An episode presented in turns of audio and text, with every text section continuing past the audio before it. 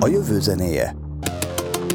A Lángoló podcastje. Sziasztok! Ez itt a Jövő zenéje, a Lángoló podcastje. Rabárpival mai vendégünk Oszkó Péter, akiről hát elég sok mindent lehet tudni, és pont arról beszéltünk az adás előtt, hogy... Nyitott könyv az életem. Igen. Hát ha az nem is, de hát azért kevés pénzügyminiszter volt még itt ebben a podcastben, hogy ex-pénzügyminiszter, gazdasági miniszter, ugye? Nem, az volt a pénzügyminiszter volt? Akkor, akkor még pénzügyminiszternek hívták, aztán volt egy időszak, amikor megszűnt a pénzügyminisztérium, de most már újra van. Értem, úgyhogy már csak ez is egy nagy megtiszteltetés, de hát rengeteg témáról tudnánk beszélni. Valószínűleg a startupokkal fogunk leginkább foglalkozni azzal, hogy ki lesz a következő Google, és milyen szép lenne egyből ezt kérdezni. Na, ki lesz a következő Google, de azért, ahogy Árpi jövőkutató szokta mondani, a jövőkutatás pont nem arról szól, hogy ezt meg tud mondani, hanem arról, hogy megvizsgált, hogy egyáltalán mi kell ahhoz, hogy egy induló vállalkozás vagy egy startup vállalkozás sikeres legyen. De hogy definiáljunk az elején, nem? Micsoda meglepetés, sose szoktunk ilyet csinálni. Mit jelent az, hogy startup? Hát eredeti jelentése szerint, bár szerintem ez már sokat torzult, meg mindenki mást ért alatt, de eredeti jelentése szerint egy olyan üzleti modellt követő vállalkozás, aki olyan sebességgel skálázódik, hogy lényegében belátható időn belül 5-10 év alatt egy globális sikersztorivá tud válni, viszont ez a skálázódás, ez jellemzően magas finanszírozási igényel is jár. Tehát az a startup, aki egy olyan terméket talál ki, ami újszerű, nincs még a piacon, de annyira meg tudja hódítani a fogyasztókat, annyira le tudja tarolni a piacot, hogy nagyon nagy sebességgel tud növekedni. Épp ezért az is hozzátartozik az igazsághoz, hogy amiket startupnak hívunk, abból ezerből egy a startup valójában, tehát egy tud ilyen sikerpályát bejárni, és most már azért ráadásul differenciálódik is a fogalomhasználat, tehát a startupnak csak a vállalatfejlődés első szakaszában hívjuk, amikor már nemzetközi terjeszkedéssel lényegében sok országot hódít meg, és már elér egy látható állatméretet, akkor már scale szoktuk hívni, ez egy újonnan bevett fogalom, valószínűleg a befektetési szakmában, hogy el tudjuk különíteni a korai fázist a későbbi fázistól. Ehhez képest ugye az a helyzet, hogy ez annyira divatos területté vált, és annyira sok a üzleti életben, illetve a gazdaság szabályozásban meghatározó szereplő lát ebben fantáziát, hogy rengeteg pénz, rengeteg befektető érdeklődés, rengeteg különböző szereplő ömlött rá erre a piacra, amiatt nyilván már nagyon sok induló vállalkozást, kezdő vállalkozási ötlettel kísérletező társaságot is beszippantott ez a világ, és ezért nagyon sok mindent hívunk mostanában startupnak. Lényegében egy kezdővállalkozás szinonimájaként kezdett elterjedni ez a fogalom, amiből mondom kimarad az a fontos, hogy startupnak azért azt szoktuk hívni, ami valami olyan újszerű innovatív dolgot talál ki, amiatt nagyon gyorsan, nagyon nagy piacot tud szerezni, és nagyon gyorsan tud nagy vállalatméretre növekedni. Értem. Ez, ahogy beszélgettünk is adás előtt, kivételesen nem a 19. században indult, mint annyi minden más az ipari forradalommal, hanem ez egy egészen új dolog, ugye? Melyik ötökre nézzek? Én gyorsan válaszolok röviden, aztán nyilván lehet egy hosszabb történeti elemzésbe menni, de azért egyrészt ennek a startupkodásnak két alapfeltétele van. Egyrészt, hogy legyenek olyan gyors termékváltások, olyan üzleti modellváltások, és legyen emögött olyan technológia, amik ezt a fajta gyors fejlődést lehetővé teszik. De ez azt is eredményezi, hogy hát nem a 19. században, hanem a 20. század második feléhez képest is meg lehet azt az összehasonlítást tenni, hogy egyszerűen általában a vállalati életciklusok jelentősen lerövidültek. Tehát amíg egy tőzsdei nagyvállalat felépítése az régen eltartott 20-30-50 évig, ez most 5-10-15 év alatt zajlik le ez a gyorsulás, tehát itt nem csak önmagában egy iparosodásnak, egy kapitalista piacgazdaság felépülésének kellett megkezdődnie, hanem egy sebességet kellett elérni ahhoz, hogy egyáltalán startup létről uh-huh. lehessen beszélni, mert startupnak az a lényege, hogy nem 50 év alatt épül fel egy világcég, hanem 5-10 év alatt. És ez a sebességhez kellettek a digitális technológiák, mert nem mindegyik, de azért a legtöbb általában digitális szolgáltatásokkal operál, pont a skálázhatóság is úgy jelenik meg. Igen, ez nagyon örülök, hogy így mondtad, én a hallgatóimból próbálom kiírtani a startupnak ezeket az új fogalmait, hogy ne keverjük már a vállalkozást, ami szintén jó ötlet, meg az üzleti ötletet, meg a új dolgot, hanem ez ennyiben más. De nem is életszerű, nem, hogy az összes sikeres legyen, hiszen ennyi szolgáltatás a világon nincsen. Tehát én sokat foglalkoztam én is startup tanácsadással, de az emberben mindig ott dobolt, hogy aki ő vele szembe, hát kicsik az esélyei. Persze, persze, hát nem életszerű. Tehát még amellett is, hogy a fogyasztói szokások gyorsan változnak, új termékek, új szolgáltatások iránti igény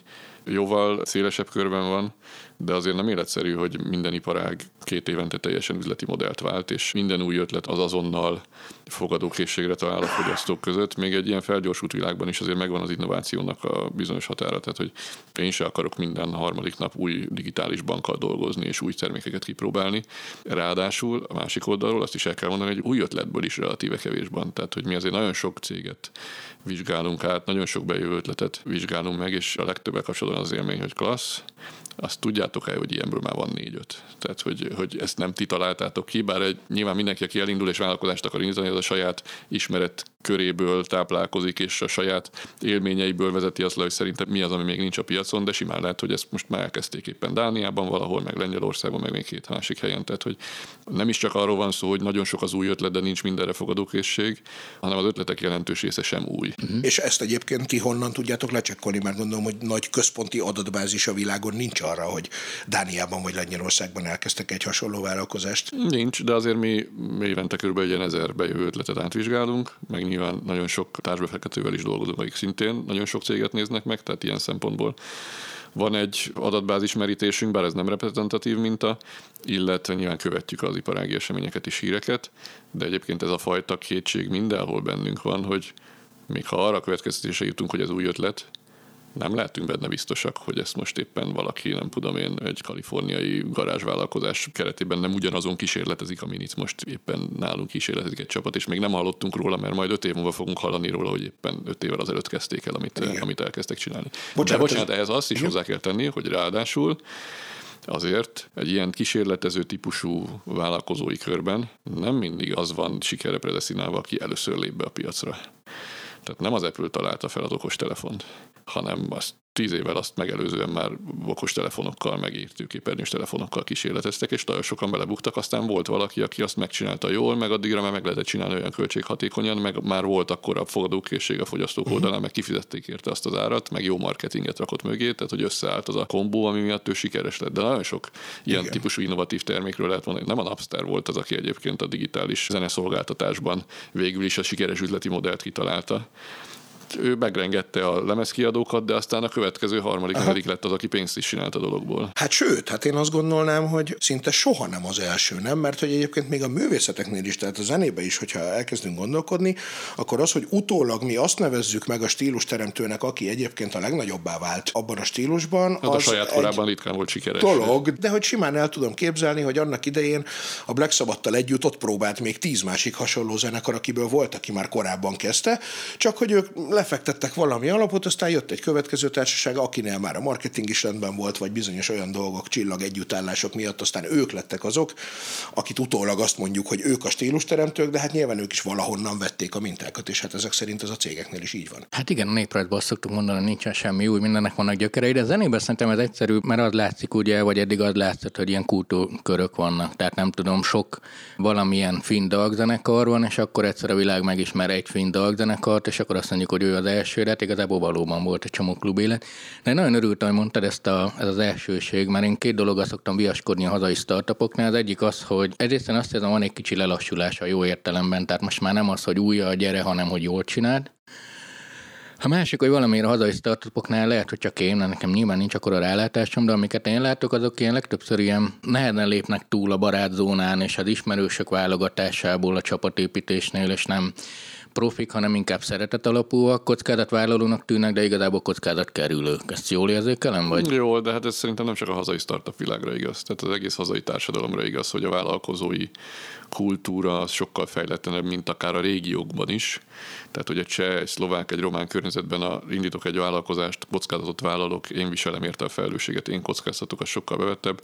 Ez egyszerűen valószínűleg a hagyományos társadalmi környezetből fakadó adottság az országnak, az állami függés, az államnak való kiszolgáltatottsága, a paternalista viszonyok, a munkavállalói gondolkodás, a vállalkozói gondolkodáshoz képest nálunk még sokkal nagyobb arányú. Én nagyon szeretném, hogy ez nehéz lenne, és egyébként ez a startupkodás, hogy így kicsit ilyen bulvárosan fogalmazunk meg, ennek azért önmagában jót tesz. Tehát, hogy lehet, hogy nem világlassz az összes hazai ilyen induló technológiai vállalkozás nem a világklassz és a világ legjobb gyakorlatát használja, de legalább már elkezdett azon gondolkodni, hogy hogy kéne ezt csinálni, még hogyha nem is minden kérdésre ad jó választ. Tehát ez önmagában egy fejlődési folyamat, de ennek a fejlődési folyamatnak valóban az elején vagyunk. Azért egy csomó ilyen ötletgazda pontosan azt szeretné visszahallani, hogy az ötlete az zseniális, és az már megvan minden oldva.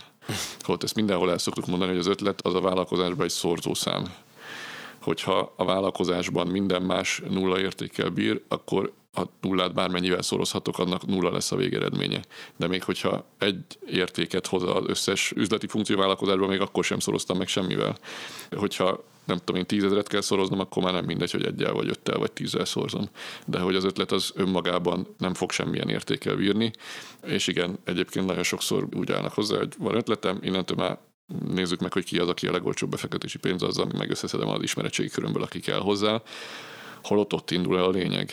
Ahogy megbeszéltük, nagyon nehéz új ötlettel előjönni, általában nem is az van jó pozíció a piacon, aki először kipróbál ötleteket, mert az elköveti azokat a hibákat, amit a következő már nem fog elkövetni, mert a uh-huh. következő már tudja, hogy miért nem úgy kell csinálni, hanem valahogy máshogy, hanem az van jó pozícióban, aki jó csapatot tud összeszedni, minden területre megvan a legjobb szakembere, van a csapatában legalább 50%-ban olyan, akik már tapasztaltak, akik tudják, hogy mit kell elkerülni, mik azok a hibák, amiket ki kell küszöbölni, és érti, hogy egyébként hogy kell majd ebből nemzetközi növekedés csinálni, mert a startupokról beszélünk, akkor értelmetlen arról beszélni, hogy majd magyar pénzből, magyar piacon meghódítjuk a világot. Ez, tehát, hogy Magyarországon könnyű világhírűnek lenni, Magyarországon kívül nehezebb. Igen, Tehát, ezt is ismerjük bizonyos művészeti analógiákból. Mielőtt egyébként viszont még mélyebben belemegyünk abba, hogy mi kell a sikerhez, vagy mi kell. Egy picit azért még történeszkedjünk, hát ha sikerül ezt a 19. századot mégis beleszuszakolni valahogy ebbe az adásba, mert én arra lennék kíváncsi, hogy a most létező nagy világcégek közül a top, nem tudom, 20-50 akárhány, azok mikor alakultak, mi a legrégebbi?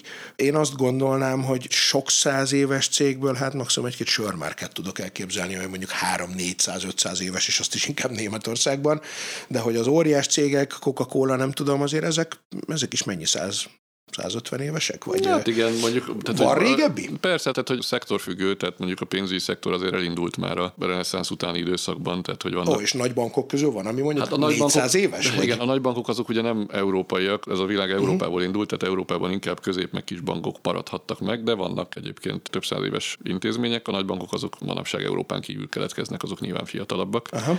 De mondom, pénzügyi vállalkozásból biztos találunk nem kevés több száz évest is akár. Mondj már egy-két példát, az olyan izgalmas Nem készültem egy nagyon nagy történeti áttekintés. Ja, nem, az csak, hogy itt... Biztosító társaságok, Biztosító például Lois meg társai, tehát Aha. mondjuk ez is egy ilyen dolog, hogy ez az a cége, vagy névutód, jogutód, stb. Hát, de hogy bármilyen szinten vissza lehet vezetni oda, hogy ugye van ez, hogy és akkor a legrégebbi étterem az Japánban, ugye talán a nem tudom, hetedik század óta ott létezik. Angliában azért számos olyan kocsmát talál az ember, ami tényleg ott áll 3, 4, 5, 6, 7, 800 éve is.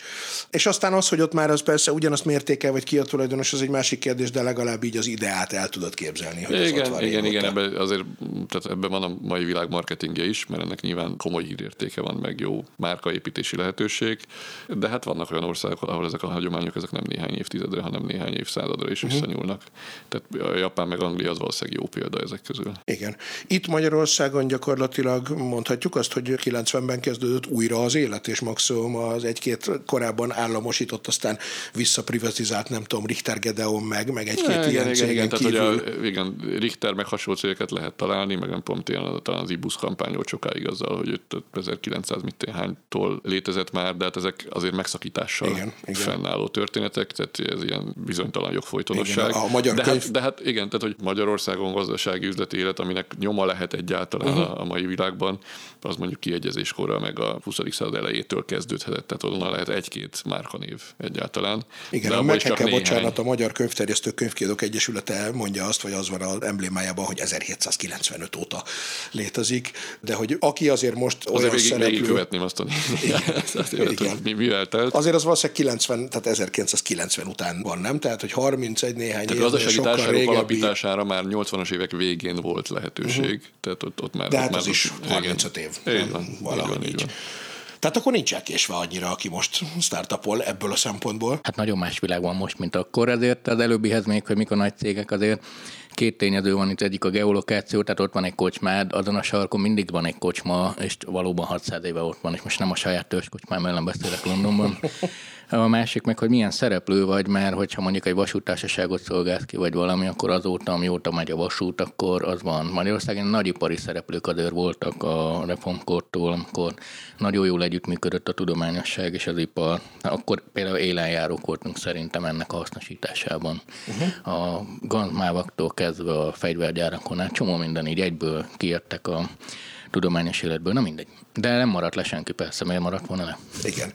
És hát, hogyha mondjuk a világpiacon is bármilyen tényezőként szereplő cégekről beszélünk, mondjuk Magyarországról, akkor nekem mondjuk a Prezi gondolom beugrik, mint valószínűleg sok mindenki másnak, meg talán ugye egy gyógyszergyárak között lehet, hogy mondjuk a Richter, de hát az persze messze van a startuptól, tehát nem is érdemes ide keverni, de valójában mondjuk, ha a Prezi példaértékű, akkor ők is akkor tudtak nagyok lenni, mikor már nem itt voltak, ugye? Vagy ezt rosszul gondolom? Félig, de az értelemszerű, hogyha valaki ilyen piacon értékesíteni akar, akkor nem lehet Magyarországról globális piaci szereplővé válni és nyilván nyitni kell azok felé a piacok felé, ráadásul a Prezi úgynevezett B2C modellbe dolgozik, dolgozott, próbál most B2B felé is elmenni, de hát különösen... Ezt gyorsan definiáljuk a buták igen, számára, mint én? Ugye a business to business vagy business to customer uh-huh. típusú üzleti modellek mint alapkategóriák léteznek, aztán ennek sok alváltozata.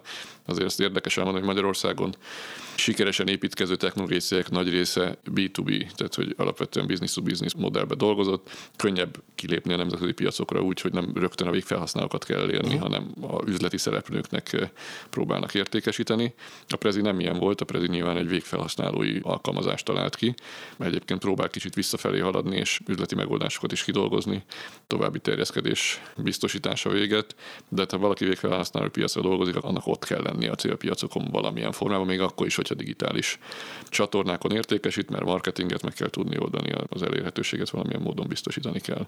De nagyon érdekes, hogy a Prezi hangzott el, mert egyébként a startup világot kicsit jobban ismerők, azok pontosan tudják, hogy a prezi méretben egyébként nem a legnagyobb növekedést elért, leginkább mondjuk befektetői pénzügyi szempontból mutogatható sztori, mert hogy egy nagyon reprezentatív sikersztori, de hogy ebből is látszik, hogy a márka ismertség az nem feltétlenül áll mindig egyenes arányosságban, tehát a Logmein az messze egy robusztusabb történet, mint a Prezi. Mesélj, én nem tudom, hogy az Tasséma. Hogy? Tasséma. Hát az is, de ugye az egy viszonylag friss történet, de a Starship-hoz képest is az volt, hogy a Logmein egy messze robusztusabb. Elmondjátok, hogy ezek mivel foglalkoznak, és mik ezek a hadd legyek büszke. Meg hát sok van, tehát hogy a, a Navengótól kezdve az AND-ig, most a Ustream-et nem említettük, tehát sok történet van. Valamiért mégis mindenki a Prezit uh-huh. emeli ki elsőként, pedig azért mondjuk lehet tíz hasonló kategóriáit mondani, Balabit, Trezorit, stb. Az, aki egy IPO-ig, tehát egy tőzsdei bevezetésig jutott el, uh-huh. méretben lényegesen megelőzi a többi ilyen típusú céget, csak hát nyilván ő olyan üzleti, meg technológiai alkalmazásokat fejlesztett, ami nem széles körben ismert a piacon, Igen, és nem is, nem, is, nem is fordítottak nagy hangsúlyt arra, hogy egyébként bocsánat, hogy megint ezt a kifejezést azt mondom, hogy Magyarországon világhírűvé váljanak, uh-huh. tehát hogy nem fektettek be emmit a marketingbe. Én hasznosnak találom, hogy egyébként egy csomóan ezt csinálják, mert ez edukatív jellegű, tehát igenis, bocsánat, hogy ennyire sarkítva fogalmazok, igenis a hírfogyasztó emberek észleljék, hogy nem csak állami megrendelésekből lehet meggazdagodni, hanem lehet épelmi uh-huh. vállalkozásokat felépíteni, Abszolút. és abból üzleti sikereket elérni. Tehát ez fontos, hogy ez a márkaépítő tevékenység folyjon. Csak ennek van egy ilyen torzító hatása, hogy uh-huh. nem mhm. mindig a legnagyobb sikereket ismerjük a legjobban. De, de általában igaz az iparra, nem? Tehát csomószor az ember nézi a nagy bevételű cégeket, és akkor nem ismeri a neveket, csak akkor kiderül, hogy persze végtelen nagy a tőke, és akkor dolgozik, de alumíniumgyár, vagy egy traktorgyár, a szexi cégek, mint persze. a kóla, stb., vagy amiket fogyasztunk termékeket, azokat meglátjuk. Persze, persze, hát logikus, hogy a Prezi az márkát épít, hiszen neki az kell, hogy mindenki az ő prezentációs megoldását akarja használni. Egy IND mondjuk, hogy ilyen példát mondjak, ők pedig bankoknak értékesítettek banki belső szoftveres megoldásokat. Nekik az volt a fontos, hogy a bankok ismerjék az ő nevüket, de rajtuk kívül egyáltalán nem volt fontos, hogy ők egy kézközön forgó márka név legyenek. De hogy mondjuk egy ilyen, mert hogy azt tenném fel, hogy aki ebben a B2B modellben valami tényleg komoly újító dolgot tud hozni, azért ő már eléggé mélyen amúgy is bele van ásva abba a szektorba ahhoz, hogy kapcsolatai is vannak, ugye? Vagy létezik olyan, hogy valaki egészen friss diplomásként hirtelen kitalál valamit, amit mondjuk bankoknak lehet értékesíteni, vagy azért ez már... Hát nagyon sokszor a vállalkozás ötletek azok saját személyes megoldások iránti igényből fakadnak. Természetes, hogyha valaki egy szektorban dolgozik, akkor neki a szektor problémái jobban ismertek, Igen. és ezért könnyebben találhat ki B2B jellegű megoldásokat. De valójában egy végfogyasztói megoldást is el lehet kezdeni értékesíteni B2B modellben. De a B2B az nem csak arról szól, hogy nekem egy vállalati problémára van megoldásom, hanem arról is szólhat, hogy nekem egy végfogyasztói problémára van megoldásom, de nem én viszem közvetlen a piacra, hanem megtalálom azokat a partnereket, akiken uh-huh. keresztül könnyebben a piacra tudom vinni. A Navengo erre egyébként tipikus történet volt, ugye az régen egy B2C modellként indult el, alapvetően különböző platformokra navigációs megoldásokat értékesítettek. Nekem még volt olyan iGo, amit még nem is telefonra lehetett letölteni, hanem egy memóriakártyán lehetett megvásárolni. És, és azt beraktuk a, ugye, a célvédőre tapasztható kimondott Csak aztán ugye az történt, hogy kijött a Google az ingyenes hát megoldásaival. Az, igen. Tehát borzasztó nehéz volt ugyanezt már végfelhasználóknak eladni, viszont továbbra is létezett egy vaskos piac, az autógyárak piac, akiknek pedig saját white label megoldások kellettek, tehát nekik szükségük volt arra a technológiára. Tehát ők a saját eredetileg végfelhasználónak készült technológiákat fogták és odaadták az autógyáraknak, oh. akik meg egy idő után már nem tudtak úgy autót eladni, hogy abban ne legyen navigáció. Igen.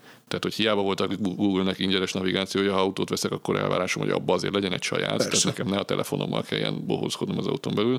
Tehát ott meg megjelent egy piac, amit ilyen módon egy gyors váltással ügyesen ki tudtak használni, de attól még a megoldás az eredetileg egy végfelhasználói megoldás volt. Mondjuk ehhez képest, hogy halkan próbálni súgni a, nem tudom, startupban gondolkodóknak, hogy most már az lenne a jó, hogyha végre egy használható androidos applikációt csinálna valaki, amivel tükrözni tudod a telefonodat, hogy azt a Google-t oda tud tenni a rendesen a képen. Van a... ilyen, van egy Android autó nevű, de hogy folyamatosan fagy, ugye amennyire én nem vagyok iPhone-os, itt éppen nyugodtan lehet neveket is mondani nálunk, de hogy amennyire tudom, az iPhone-nál nagyon jól működik ez a tükrözés az autóképernyőjére, Androidnál eléggé most a hétvégén egy fél délután eltöltöttem vele, hogy próbáljak találni egy másik applikációt, de egy se volt, úgyhogy egy hajrá. ne tükrözzél már, hanem kapcsolod ezt az autódat, és ezt a szoftvert meg kell rajta legyen a gyári, amit úgyse használ senki, de legyen az, hogy akkor a gyárit beépül abba a képernyőbe. Hát csak az a baj, tudod a gyárival, hogyha már itt tartunk, hogy oké, okay, de az nem frissül folyamatosan, meg, tehát, hogy... Szerintem ez időkérdés, tehát vannak Igen. olyan megoldások, amik ugye először luxusmárkáknál érhetőek el, de aztán amint olcsóvá, tömegessé válnak, a, gyakorlatilag beépül minden, mert tehát most a luxus kategória kategóriájú autók azok már ugye mind hálózaton vannak, tehát alapvetően adatforgalommal, SIM-kártyával működnek, és folyamatosan frissítik magukat és ezért a térkép is gyakorlatilag közlekedési információkkal frissült állapotban folyamatosan elérhető. Valószínűleg ez lesz majd a jövő. Bár abban sem vagyok biztos, hogy egyébként egy idő után lesz saját navigációs rendszer az autóknak, mert az a telefonnal való szinkronizálás automatikussá válik, ami szintén Igen. a luxus kategóriájú autókban most már elég jól működik, tehát ott jól működik az Android autó is, meg az Apple is. És hogy nektek ebben kell gondolkodni, ugye? Mind a kettőtöknek, amikor tanácsot adtok, vagy befektettek. Nem, hogy... ugye az érdekes, hogy hát mind a két szegmensben van szerepe startupoknak. Tehát sikeres startupot úgy is lehet építeni, hogy valaki a prémium kategóriára próbál megoldást kínálni, és abban talál ki jó terméket, és jó árazással megfelelő piacra célozva tud piacot hódítani. Alapvetően az Apple az nem olcsó márkaként hódította meg a piacot. Menő drága márkaként tudott ugye nagy áttörést elérni először a zenelejátszókkal, aztán a, sőt, hát előtte nyilván még a számítógépekkel, aztán a zenelejátszókkal, aztán az okostelefonokkal. De aztán most, ha ennek analógiára megnézzük, hogy az androidos telefonok mit csináltak, ott pedig ugye elérték azt a küszöbb határt, amikor már mindez olcsóvá és tömegessé tudott válni, egy teljesen másik modellben. Ők meg azt mondták, hogy akkor a elérhető áron jóval nagyobb mennyiségben való értékesítésben hódítsuk meg a piacot. Tehát nem csak az egyik vagy a másik üzleti modell alkalmazható, mind a kettő alkalmazható, csak jó kell tudni megfogni. Uh-huh. Igen, ez a, amikor a hallgatóimnak ezt tanítom, ezek döntések kérdései. Nem az van, hogy mondjuk a Windows programozók bénábbak, mint az apple hanem hogy van egy olyan döntésed, hogy te exkluzív vagy ilyen képernyő felbontásod van csak, és minden applikációt úgy fejlesztesz, hogy tudod, hogy az a képernyő felbontás mekkora lesz, milyen procid lesz, milyen videókártyád, milyen sebességed, és persze jobban néz ki minden applikáció, mert ezt az egyet fejleszted le, mi a gyorsabb, mert ez egy egy másik oprendszer, aminek fogalmat sincs, milyen monitoron fog futni, milyen videókártyával, milyen processzorral, tehát hosszabb kódot kell írni, tehát lassabb lesz egy bizonytalanabb.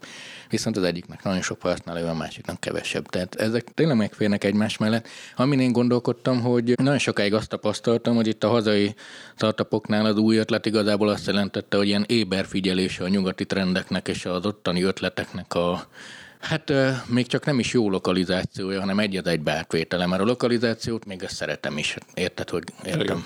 Igen, de ez nem hazai sajátosság, azért ezt el kell mondani. Tehát meg vannak ennek a világnak a gravitációs központjai, és sajnos ennek mi nem a központjában, hanem a perifériáján vagyunk pillanatnyilag, és nem csak mi, hanem picit Európa is tehát azért nem Európa a startup világ központja, bár erős fejlődések vannak. Ezt egyébként erre is van egy külön fogalma ennek a szakmának, amelyet, hogy van startup, meg scale-up, ezeket copycateknek szokták hívni ezeket a cégeket, akik ugye annyit csinálnak, hogy megnézik, hogy mi az, ami befutott az USA-ban, és akkor csináljuk ezt meg Európára is. Ilyen. Mi szintén jó modell egyébként. Csak... Nyilván nem a legszívderítőbb, de azt kell, hogy mondjam, hogy még befektetői érdeklődés is szokott vonzani, nem feltétlenül a magyar kopiketek, de mondjuk a németek igen. Uh-huh. Tehát Németországban erre kifejezetten építettek fel befektetési modellt. Nézzük meg, hogy Amerikában mi futott be, csináljuk meg a német piacra, meg onnan terjeszkedjünk hát az európai piacra. Miért ne tennénk? Kipróbált modelleket kell alkalmazni, nyilván meg kell nézni, hogy mi az, ami ott különbség a fogyasztói szokásokban, és itt különbség, de ebből, Megint... ebből felépült egy csomó értelmes cég. Megint halkan mondom, de mondjuk a német zeneipar is nagy részben erre épül egyébként a elmúlt 50 évben. Nyilván nem csak, tehát hogy nyilván ott is van rengeteg eredeti és értékes produkció, de azért a mainstream az lényegében ezt csinálja. Igen, de ez valószínűleg minden kulturális szegmensben előfordul ez a fajta gondolkodás, tehát ez az emberi gondolkodás sajátja. Egyrészt örülünk, hogyha van saját startupunk, és mondjuk ilyen szempontból a Prezitén ide sorolom, de uh-huh. egyébként a Logmin is az volt, mert a Logmin ugye azzal indult el, hogy számítógépekre való távoli belépésnek a technológiáját dolgoztak ki, de nagyon korán, tehát már 2000-es évek elején, és ez nagyon hamar a piacon volt, ezt nem lemásolta máshol, hanem érzékelte ezt a piaci igényt, uh-huh. és ezért volt olyan sikeres, amilyen, de a Prezi is végül is egy saját megoldást dolgozott ki, tehát vannak azért eredeti ötletekre, organikus ötletekre épülő startupok, és vannak ezek a kopiketek, nem csak Magyarországon, hanem azokon a piacokon, amik valamennyire követő üzembe oda vannak. Mondom, szívderítőbb egy eredeti ötletbe befektetni, de nem haszontalan, amit ezek csinálnak, mert lényegében megteremtik azt az innovációs környezetet, ami máshol is van. Uh-huh.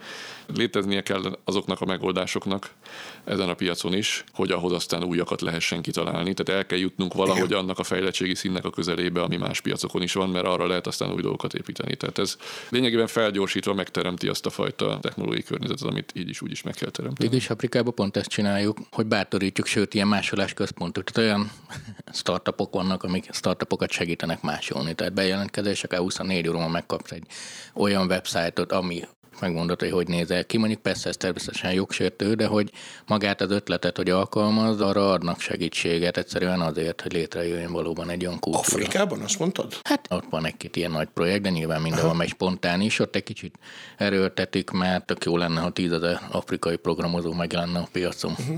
Ez egyébként a felülről vezérelt modernizációnak amúgy is a sajátja, nem? Tehát, hogy ott a már bevált megoldásokat. Igen, de ez nem is feltétlenül felülről vezérelt, mert ugye a technológiai fejlődésnek az a sajátossága, hogy utólag bizonyos lépések egyébként átugorhatók. Uh-huh. Tehát, hogyha az adott fejlesztési szinthez gyorsan alkalmazkodok, akkor bizonyos lépéseket meg lehet spórolni. Ez egyébként jól látható ott, hogy ahol fejletlenebb volt a telefonhálózat általában, ott a mobiltelefonok gyorsabban elterjedtek. Abszolút, abszolút. Mert hogy egyszerűen Igen. könnyebben meg lehetett oldani vele dolgokat, ahol megfejlettebb volt, ott pedig nem volt rá akkora igény. De pont például Kenyában látható, hogy a mobil fizetés mint megoldás, ez sokkal gyorsabban terjed, mint bárhol máshol, mert tized annyi embernek van saját bankszámlája. Uh-huh. Tehát nem arról szól a vacilálás, hogy most elkezdjek a mobil fizetés megoldást használni, hiszen van egy banki applikáció már, hanem még bankszámlám sincsen, telefonszámom van.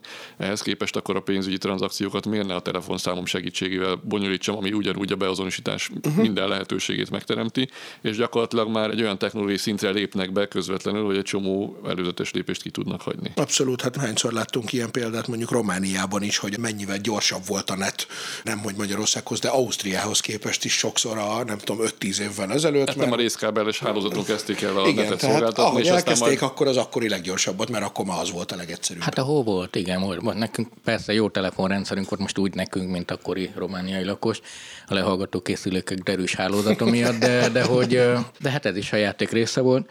Azon gondolkodtam, hogy az eredeti ötletek meg a környezet, de te személyesen mit szeretsz egy ilyen startupnál, hogyha mondjuk nem akarok ilyen furfangosnak tűnő újságírói kérdéseket, hanem vagyok újságíró, hogy nem tudom, háromból kettőt választani, de téged mi szokott meggyőzni az ötlet, vagy a csapat felépítése, vagy az üzleti terv kidolgozottsága? Nyilván erre nincs egy mondatos válasz. Uh-huh. Tehát alapvetően egy befektetési döntés, ez egy nagyon komplex döntés, ahol mindent végig kell nézni. De engem a csapatemberi minősége szokott leginkább meggyőzni. Nincs olyan startup, aki majd azzal lesz sikeres a világban, amit az első ötletként kitalált. A legtehetségesebb startuperek és a legtapasztaltabb, üzletileg felkészült csapatok sem tudják oly mértékben modellezni, hogy mi fog történni az ő vállalkozásuk során, hogy mindent előre precízen meg tudjanak tervezni. Rengeteg buktatón kell keresztül menniük, rengeteg ponton kell alkalmazkodniuk, rengeteg ponton kell változtatniuk. Amellett, hogy nagyon sok képességet be kell értékelni, két dolgot szoktunk nagyon alaposan megvizsgálni. Egyrészt, hogy ez a fajta folyamatos alkalmazkodási, folyamatos tanulási, folyamatos megújulási kényszer, képesség az bennük van-e. Tehát ők nem elkerülni fogják a pofonokat, hanem nekik fel kell tudni állni majd a pofonokból, és nem egyszer, hanem tízszer és másodszor ez a kőkemény túlélési képesség mellett milyen módon fognak tudni velünk együttműködni. Amikor mi befektetünk, akkor mi egy nagyon egymásra utalt tulajdonos társi viszonyba kerülünk.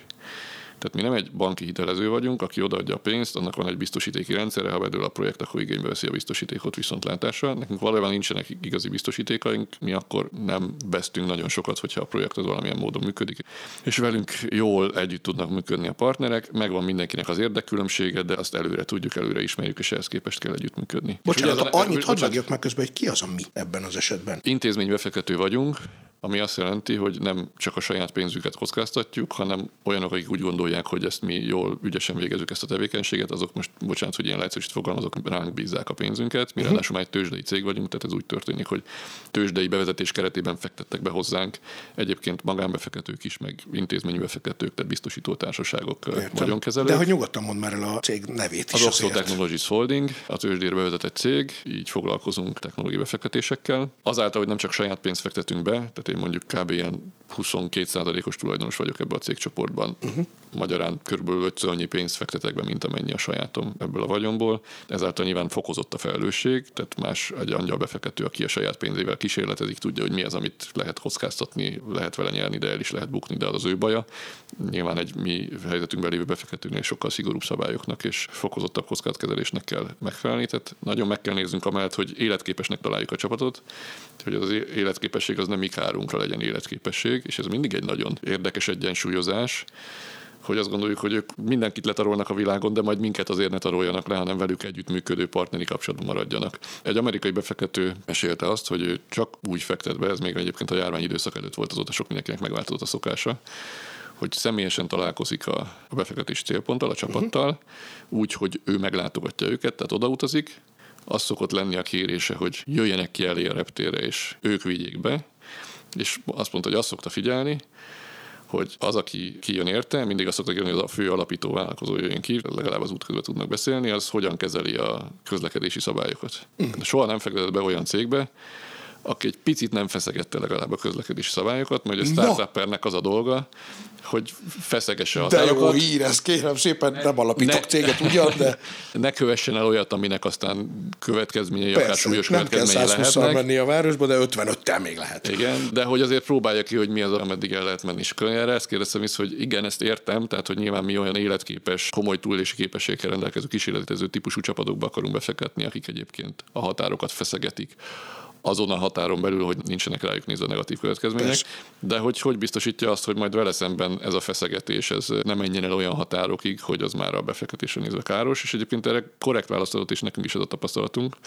Tehát, hogy nyilván a nagyon extrém szélhámosoktól menekítse meg minket mindenki, vagy mi magunkat, azokat el kell kerülni de hogy valójában a helyzet az, hogy ez sokszor külső körülmények predeszinálják. Tehát amíg egy projekt képes a túlélésre és jól fog menni, addig egy egészséges együttműködési viszonyban is milyeneket keresünk. A partner mindig az együttműködést próbálja keresni, mert egy befektető és egy alapító összeveszése abban egy dolog biztos, hogy az a végét jelenti a mhm. projektnek. Mindenki próbálhatja menekíteni a saját pénzügyi pozícióját, de hogy a projektből utána már nem lesz semmi, az egészen biztos. Tehát egy józanság mellett ez történik. De ha a projektnek vége, akkor meg szinte elkerülhetetlen, hogy kialakuljon egy konfliktus a befektető és az alapító között, és egy minimális szélhámos hajlammal rendelkező alapító az bele fog gyalogolni azokba a határterületekbe, amit egy befektető már nem szeret. Aha. De mi olyan csapatokat próbálunk kiválasztani, akik ebbe belegyalogolnak, de a végén meg fogunk tudni velük egyezni. Tehát, hogy nincs olyan, hogy minden befektetésünk sikeres, Persze. Az ökölszabály az, hogyha egy harmada nem sikeres, akkor még bőven megtérülésnél vagyunk, és nagyon az a célunk, hogy a, a két harmad, ami sikeres, ott a lehető legjobb túlési képességgel rendelkező csapatokba fektessünk, és az egy harmad, ami nem lesz sikeres, és nem biztos, hogy az alapítók, sőt jó esélye nem az alapítók miatt nem sikeres, uh-huh. a piac nem lesz rá fogékony, a külső körülmények nem segítettek, stb. stb. Annak a sikertelensége viszont ne károsítson minket, se őket, Persze. hanem ott egy normális lezárását lehessen kialakítani a projektnek. Ezt mostanában sikerül, nem mondom, hogy nem voltak ebbe egyébként egyébként izgalmas tapasztalataink, valószínűleg nem csak nekünk, hanem minden befektetőnek voltak, mert a nagy egóval rendelkező világot megváltani akaró, és egyébként alapvetően minden akadályon átgyalogozó típusú személyiség az konfliktus helyzetben a befektetővel is így viselkedik uh-huh. akár, de pont azt próbáljuk megtalálni, aki mondom, feszegeti a közlekedési szabályokat, de azért nagy kárt nem csinál. Érdekes, amit mondasz különben az arányokról, mert hogy azt gondolná az ember, ugye ezt megint csak pici zeneipari példa, annak idején a nagy lemez kiadóknál volt kb. az az ökölszabály, hogy tízből egy legyen sikeres, uh-huh. de az az egy nagy siker, az a maradék kilencet bőven el fogja tartani.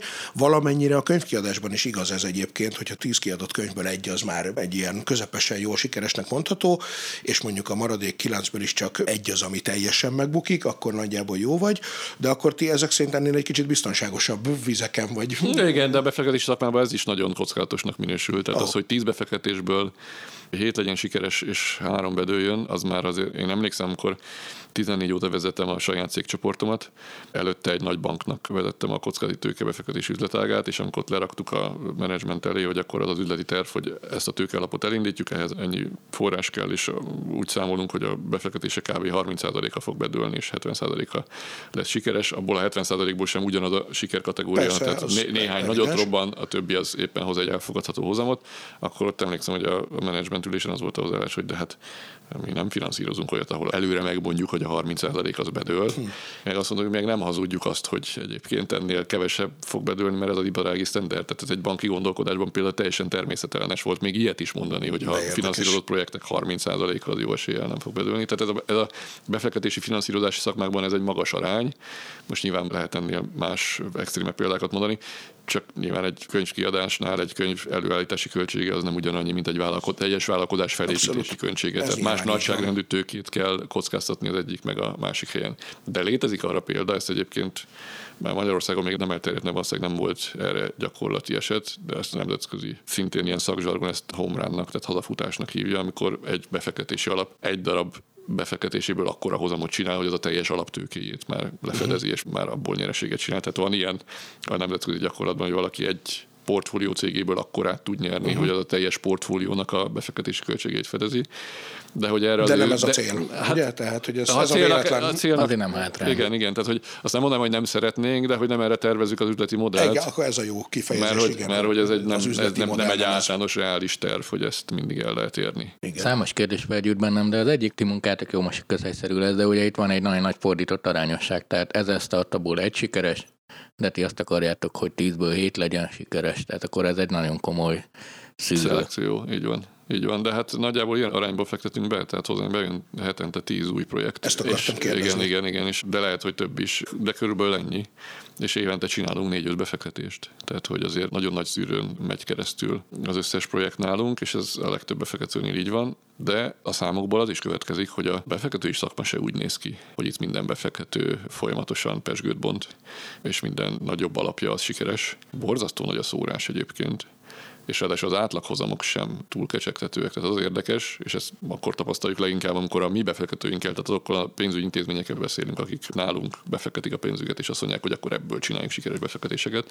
Tehát ha hosszabb időtávra, ilyen 10-20 éves időtávra megnézzük az átlaghozamokat, a teljes iparágra nézve, akkor az érdekes, hogy ez a fajta befektetői szakma, ez rettentő rossz hozamokat hoz. Tehát, nullához konvergálnak a hozamok, de ezek az átlaghozamok. Ez amiatt van. De van egy csomó ilyen típusú vállalkozás, ilyen típusú kockázati tőkebefektető, akinek egyébként bedőlnek az alapjai. Tehát, hogy nem, hogy hozamot nem csinál, de a tőkét is elveszíti. Uh-huh. Itt aztán is igaz van... a tízből három. Erre nem tudnék ilyen statisztikát Tudom, mondani. De aztán vannak olyanok, akik pedig óriási hozamokat csinálnak. Hát egyébként lehet, hogy igaz, mert azt szokták mondani, hogy a felső egyharmadba kell lenni, akkor az ember már nagyon jól keres, tehát akkor az emberhez már kopogtatnak a befektetők, hogy nála helyezhessék el a pénzüket, és akkor nagyon jó hozamokat csinál. Az alatt még talán egy ideig vissza tudja hozni a pénzét, de csomóan is vesztik a pénzt. És ezt nem kevés alkalommal el szoktuk mondani a startup vállalkozóknak is, hogy azért itt lássák, hogy nem arról van szó, hogy a befektetők azok ilyen döbrögi típusú emberek, akik ülnek a pénzen, és azért nem adják oda, mert hogy milyen gonoszok. Itt azért ez az iparág rengeteg pénzt éget el azért, hogy a felső szegmenséből kijöjjenek a sikersztorik. Mi a procedúra egy ilyen esetben? Először is milyen formában kapjátok ti ezeket az ötleteket? Mennyit kell dolgozni, vagy mennyire kell ezt kidolgozni, hogy ti már rá tudjatok nézni, aztán utána hányan nézitek meg, elmentek-e ti is találkozni? Gondolom elmentek nyilván, hanem is mindenkivel, de aki hát már most pici... a pandémia alatt volt olyan befektetésünk, ahol már megcsináltuk a befektetést, és utána találkoztunk oh. egyébként. Tehát ez a szakma most már elbírja ezt, és ez egyébként az egyik legjobb befektetésünk most a portfólióban, úgyhogy, úgyhogy ez Nyugodtan nem lehetetlen. csak egy, ha lehet is mondani, hogy melyik az, de nem muszáj. Chain nevezetű blockchain alapú fintech vállalkozás, aki banki rendszereket, banki ilyen compliance rendszereket működtet blockchain alapon. Uh-huh. Minden tartalmad, ami most megy fintech, blockchain, imádom. Igen, de egyébként egy finn bejegyzésű cég, de uh-huh. nagyrészt magyar alapítókkal de ezt tavaly zártuk ezt a befektetést, tehát logikus módon nem volt igazán lehetőségünk találkozni, de aztán a befektetés végére már hál' Istennek oldódtak annyira a lezárások, hogy tudtunk találkozni is. De visszatérve az eredeti kérdésre, tehát van egy kialakult procedúránk, ami segíti ezt a mennyiségű bejelentkezést kezelni. Nyilván sok irányból jönnek az ilyen típusú cégek, tehát van, akivel konferencián találkozunk, van, akivel egyéb szakmai fórumokon veszük fel a kapcsolatot, de azért az általunk megvizsgált projektek nagy része az öntevékeny módon maga keres meg minket. Tehát uh-huh. van egy ismertségünk, ismernek minket, mint befektetőket, és jönnek be hozzánk folyamatosan a projektek ezek egy jelentős része e-mail megkeresés, de már azt is automatizáltuk úgy, hogy nekünk van egy online felületünk, ahol be lehet küldeni uh-huh. hozzánk a projekteket. Ezen az online felületen az alapadatokat kell feltölteni, alapismertetéseket, és ott végeznek a kollégák el egy olyan első szelekciót, amelynek az az eredménye, hogy na ki az, akit meghallgassunk ebből, de ez a meghallgatás is először online módon történik, egy ilyen egyébként meglehetősen kegyetlen, de nagyon jól szelektáló automatizált videóinterjús meghallgatással. Egyébként nagyon időhatékony, 10-15 perc alatt meg lehet csinálni videóinterjút, ami úgy működik, hogy megjelenik a kérdés, fix időben lehet megválaszolni, utána eltűnik. Azért mondom, hogy kegyetlen, mert egy szóbeli beszélgetésnél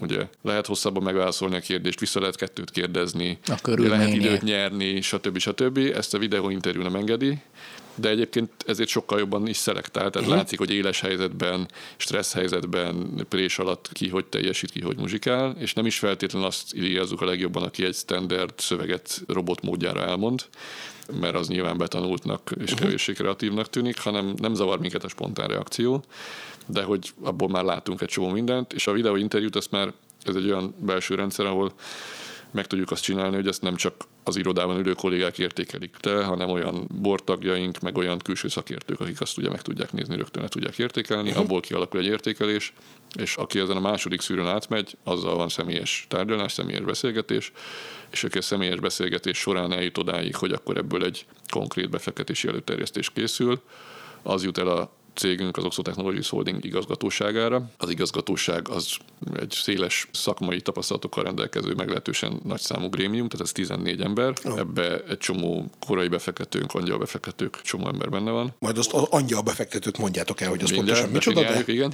És aki odáig eljut, annak van egy órája a személyes prezentációra, tehát ott már egy részletesebb személyes bemutatkozást lehet tartani, ott mindenkinek lehet válaszolni a kérdésére, és ott születik meg az a döntés, hogy akkor befektetünk, vagy nem. Ha ott pozitív döntés születik, akkor pedig már a befektetés részleteit tárgyaljuk, tehát akkor le kell tárgyalni, hogy milyen feltételekkel, milyen értékelés mellett mennyi pénz, stb. stb. Értem. Amíg Árpi iszik, addig én még az angyal befektető mellett vagy előtt azt is meg akartam kérdezni, aztán hagylak már téged is beszélni, hogy ezeknek a cégeknek egyébként a komplet életciklusait azt is lehet már látni, hogy ennek hol a vége, vagy egyelőre azért még a tapasztalat inkább csak maximum a kezdeti fázis. Azt sem mindegy, hogy milyen fázisba fektetünk be. Ugye mi befektetünk a korai fázisban is, ami azt jelenti, hogy amikor már valakinek nem csak ötlete van, hanem legalább már valami MVP, tehát Minimum Viable Product szintű termék kezdeménye, amit már meg lehet nézni, hogy tényleg mire képes, mit tud csinálni, meg elképzelései a piacra lépésről. Mi ebben a fázisban befektetünk egyébként, tehát uh-huh. ilyen 20-30-50 millió forintokkal is megfinanszírozunk a projekteket azért, hogy akkor piacra vigyék a terméket, próbálják ki, meglegyenek az első fogyasztói visszajelzések, tudják csiszolni tovább, csapatot építsenek, stb. stb. Hát ha ebbe a fázisba fektetünk be, most lehet, hogy elrontom azoknak az üzleti modelljét, akik mindig azt tervezik, hogy 5 éven belül exit van, de nincs 5 éven belül exit, tehát egy ilyen fázisban megtett befektetés után mondjuk 6-8, de akár 10-12 év után is lehet. Tehát lehet, hogy addig tart, hogy egyáltalán uh-huh. befektető kiszállási lehetőséget kapjon, de ez azt gondolom, hogy ebbe az üzleti modellbe belefér. És hát más, amikor már úgynevezett növekedési fázisba fektetünk be, tehát a cégnek már van piaca, már van meghatározó ügyfélkör, csak azt mondja, hogy akkor ő most nem tudom én Európán kívül az USA-ba is terjeszkedni szeretne, vagy három másik országba be szeretne még lépni.